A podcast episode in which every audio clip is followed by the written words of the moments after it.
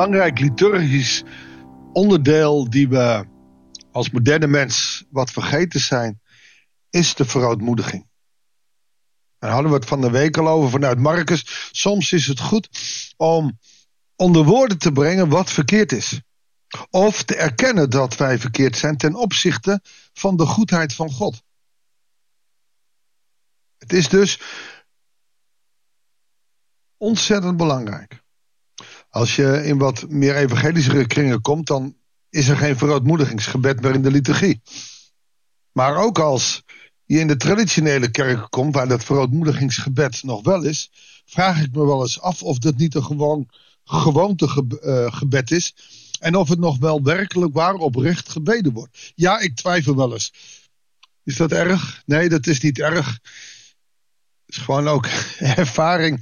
Als je in veel verschillende gemeenten preekt, dat uh, de ervaring dan ook stelt dat soms mensen bij de koffie al niet eens meer weten waar je over gepreekt hebt. Laat staan dat daar oprecht ook meegebeden is. Mensen komen ook consumeren, past ook in deze tijd. Moeten we mee uitkijken? Moeten we mee stoppen? We moeten oprecht gaan werken aan ons bewuste geloofsleven. Als je naar de kerk gaat en ik raad je aan het zo vaak mogelijk te doen. Om te groeien in geloof. Om, net als dat het uit Psalm 42. Dorstig te zijn naar water. Naar het levend water. En waarom in de gemeente? Je kan toch ook van persoonlijk bijbelstudie en uh, andere dingen leren. Ja, maar in de gemeente doe je het samen met broeders en zusters. We moeten die gemeenschap veel meer opzoeken opdat we ook werkelijk waar in relatie tot geloof komen. Kan je alleen geloven? Ja, zeker. Maar het is vele malen moeilijker. Laten we gaan kijken wat we vandaag mogen leren als we gaan lezen in Jeremia. Jeremia 14, vers 1 tot en met 10. Goeiedag, hartelijk welkom bij een nieuwe uitzending van het Bijbels Dagboek. Dit zijn de woorden die de Heer richtte tot Jeremia naar aanleiding van grote droogte. En die grote droogte gaat er niet alleen maar aan gebrek aan water denken, maar ook gebrek aan levend water. Als je zelden Bijbel leest, zelden naar de kerk gaat en er zelden mee bezig bent, krijg je dorst. En als je dan niet op zoek gaat naar het levende water, dan ga je in de wereld naar ander water zoeken. En dat is wat er in Nederland veel gebeurt. Teleurstellingen vanuit de kerk. Omdat kerken niet openstaan voor de pijn en moeite die er heerst en die er is. Gaan mensen op zoek naar ander water. Dan komen ze niet bij het levend water. We lezen het in de vorm van Jeremia, waar het letterlijk gaat over droogte. Maar je kan die geestelijke droogte ook meenemen. Juda treurt, de steden kwijnen weg. In het zwart gehuld zit de bevolking op de grond. Jammerklachten klinken uit Jeruzalem. De rijken sturen knechten om water. Ze komen bij de putten, maar vinden water niet. Met lege kruiken keren ze terug, verslagen en beschaamd. Houden ze het hoofd bedekt. Het land is dor en uitgedroogd, want de regens bleven uit. De boeren staan verslagen. Ze houden het hoofd bedekt. Hoofd bedekt houden is een, iets als schaamte, uh, verslagenheid. Dus je hoofd laten hangen. En uh, nou, dat, dat, dat is het doel. We, we lezen het nu twee keer. Ja, daar heb je al, Psalm 42. Ja, zelfs de hinde in het veld. Laat het jong dat ze wierp in de steek, want er is geen groen. Dus het is echt een droogte. Op de kale heuvels happen wilde ezels als jakhalzen naar adem. Hun ogen breken, want er is geen gras. Dan komt de verootmoediging. Vers 7. Heer, al getuigen onze wandaden tegen ons. Grijp toch in omwille van uw naam. Dus niet om ons, red ons niet om ons, maar omwille van uw naam.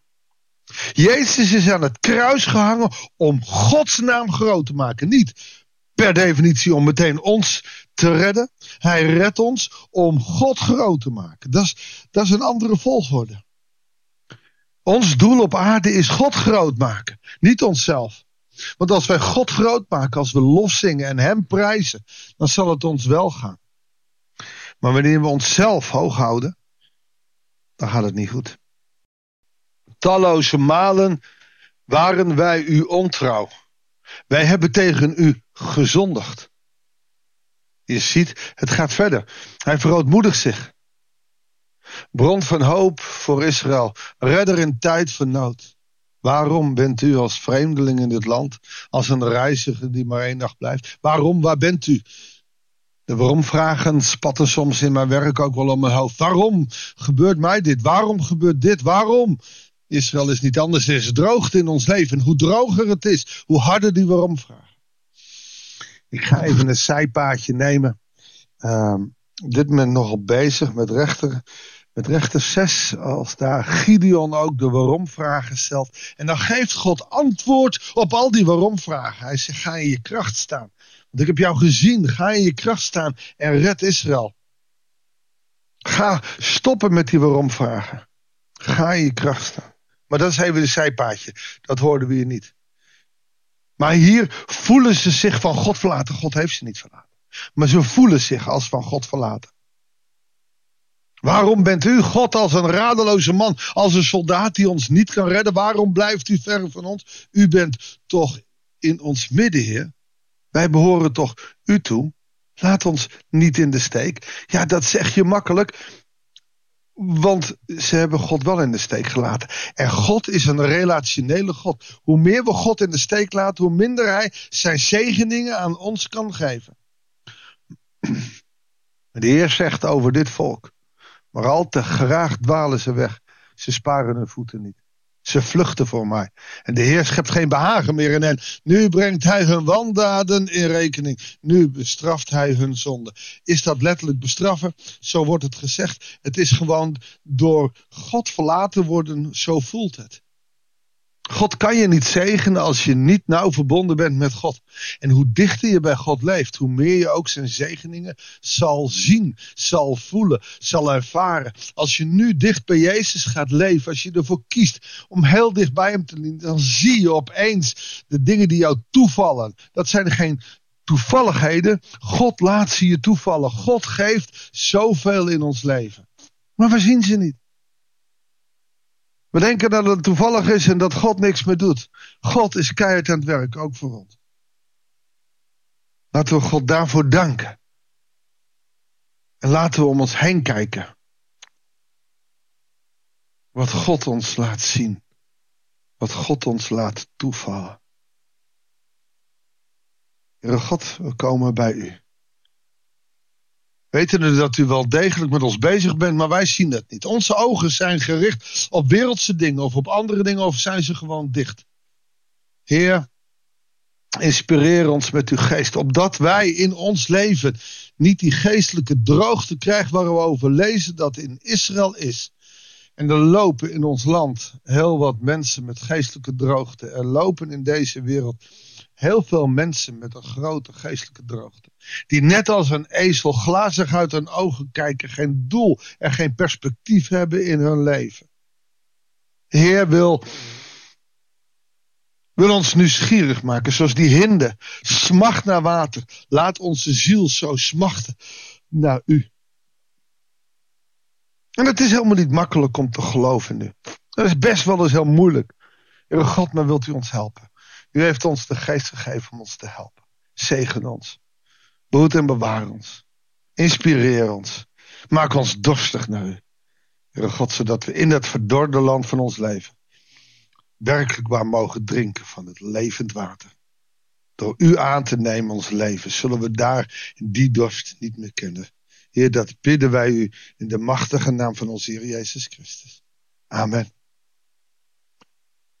Dankjewel voor je aandacht. Ik wens je God zegen. En ik wens je dorst toe. Als het droog is in je leven. En dan hoop ik dat je het levende water vindt door Jezus aan te nemen. Echt, ontvang hem. Want je dorst zal weggaan. En je zult je gelaafd voelen, bedouwd worden met de geest. Dat wens ik je toe. Dankjewel voor nu en heel graag tot de volgende uitzending. Van het Bijbels Dagboek.